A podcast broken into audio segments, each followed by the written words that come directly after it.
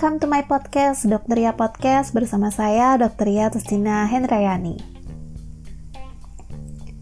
Imunisasi di era pandemi sekarang ini memang membuat galau para orang tua. Mereka takut anaknya tertular COVID-19 jika dibawa ke fasilitas kesehatan untuk imunisasi, namun mereka juga takut nih kalau anaknya tidak diimunisasi atau ditunda imunisasinya. Lalu bagaimana sih seharusnya? Mari kita simak podcast berikut ini. Kenyataan bahwa penyakit yang dapat dicegah dengan imunisasi masih berada di sekitar kita. Nah, mengancam kematian dan juga kecacatan. Itulah sebabnya imunisasi menjadi ujung tombak kesehatan anak. Terlebih lagi di Indonesia, cakupan imunisasi rutin masih kurang memuaskan. Cakupan DPT dan juga MR di tahun 2009 bahkan tidak mencapai 90% dari target. Nah, Berdasarkan rekomendasi terbaru dari Ikatan Dokter Anak Indonesia, layanan imunisasi dasar harus tetap diberikan baik di puskesmas, di praktek pribadi dokter, di rumah sakit, sesuai jadwal. Nah, untuk jadwal dan panduan imunisasi dasar bisa dilihat di bisa disimak di podcast aku sebelumnya ya. Nah, hal ini penting sekali, terutama imunisasi dasar bagi bayi berusia kurang dari 18 bulan. Kenapa penting? Karena apabila anak tidak mendapatkan imunisasi dasar yang lengkap, kelak dapat terjadi wabah baru yang mengakibatkan banyak anak sakit berat, cacat, bahkan meninggal. Hal tersebut dapat menjadi beban tambahan nih bagi penanganan kesehatan di masa depan. Nah, pada wilayah dengan penularan COVID-19 yang sangat luas, jika tidak memungkinkan, imunisasi bisa ditunda maksimal satu bulan dan harus segera diberikan jika situasi memungkinkan. Nah, ini berdasarkan rekomendasi IDAI. Nanti kalau misalkan ada rekomendasi terbaru, nanti akan aku sampaikan lagi di podcastku. Nah, Sebenarnya boleh nggak sih imunisasi ditunda? Nah, hal ini udah aku bahas ya di podcast aku sebelumnya tentang bagaimana sih uh, apa cara membaca jadwal imunisasi yang baik. Nah, kalau kita harus imunisasi di era pandemi seperti ini, aku punya beberapa tips nih agar imunisasi bisa kita jalani dengan aman. Tips yang pertama yaitu pilihlah tempat pelayanan kesehatan yang menyediakan ruang layanan terpisah antara anak sakit yang hendak berobat dan anak sehat yang hendak imunisasi, sehingga anak yang sehat tidak tertular nih dari anak yang sakit. Yang kedua, atur jadwal kedatangan agar anak tidak banyak berkumpul dan menunggu terlalu lama buat janji dengan dokter atau klinik tentang jam kedatangan. Misal nih, antara jam 10 sampai jam 11 nanti hanya 5 anak yang diimunisasi dari nomor urut 1 sampai dengan 5 atau ya seperti itulah sehingga mampu meminimalisir kontak.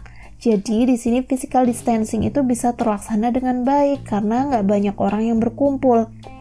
Nah, Pilih fasilitas kesehatan yang ketat juga nih dalam pengaturan dan juga pembatasan jumlah orang yang berada di ruang tunggu sehingga di sini nggak begitu crowded gitu ya sehingga physical distancing bisa dilakukan dengan baik. Nah yang ketiga adalah ketika ada imunisasi kita harus jujur nih misalkan ada riwayat traveling ke luar negeri atau keluar kota atau ada apa riwayat kontak dengan orang-orang ODP, PDP atau bahkan orang yang konflik COVID-19, ingat jangan berbohong. Kenapa? Karena agar pelayanan itu bisa diberikan sesuai standar prosedur yang sudah ditetapkan oleh Kemenkes. Jadi tentunya di sini kan sterilisasi alat, kemudian APD yang dipakai dan prosedurnya kan tentu akan berbeda ya. Kalau misalkan kita ada riwayat uh, trans bepergian ke wilayah transmisi lokal atau ada riwayat kontak. Hal ini sangat penting untuk melindungi diri kita sendiri, anak kita, orang orang-orang yang berada di sekitar kita dan yang lebih penting adalah untuk melindungi petugas medis. Bayangkan kalau misalkan petugas medisnya itu tertular COVID-19, lalu siapa yang nantinya akan mengimunisasi anak-anak kita? Nah, yang keempat adalah ini udah tips biasa ya, harus rajin cuci tangan. Nah, saat di fasilitas kesehatan jangan biarkan anak atau kita sendiri itu memegang mata, mulut, hidung kalau habis pegang meja, kursi, pintu atau megang benda-benda lainnya. Karena kita kan nggak tahu tuh kuman atau bakteri apa yang ada di situ.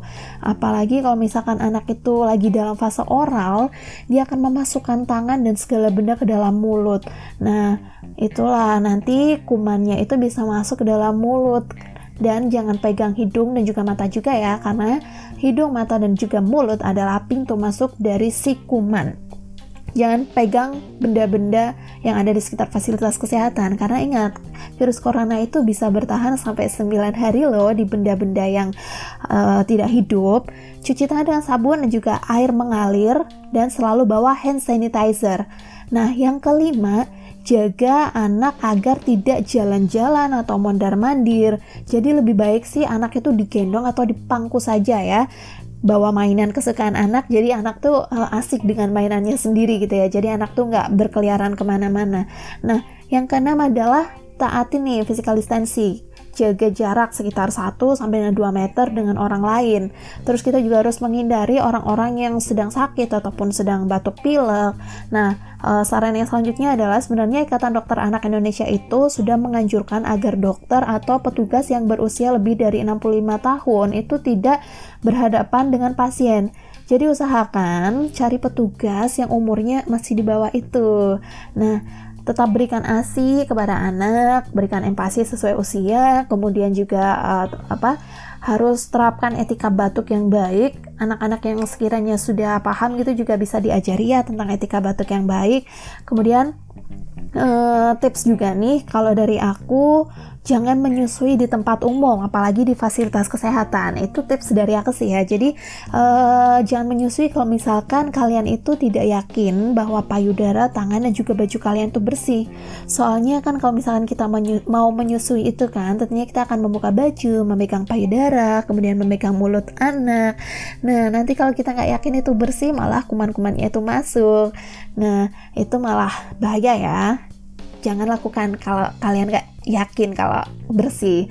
Nah, tips yang terakhir tentunya kita harus selalu menggunakan masker, tapi ingat jangan gunakan masker pada anak nih, karena penggunaan penutup wajah apa pun ternyata tidak boleh digunakan pada anak di bawah 2 tahun, karena hal tersebut tanpa sadar dapat membatasi oksigen yang masuk ke dalam tubuh anak dan mereka belum bisa ngomong kalau mereka tuh sesak gitu ya jadi e, hal itu malah berbahaya bisa berisiko menimbulkan gangguan nafas karena saluran nafas anak juga masih sangat kecil nah itulah sedikit tips dari aku tetap melakukan imunisasi di era pandemi ini lakukan tips tersebut agar kita mendapatkan dua keuntungan dari semuanya jadi anak bisa tetap diimunisasi dan juga terhindar dari virus corona.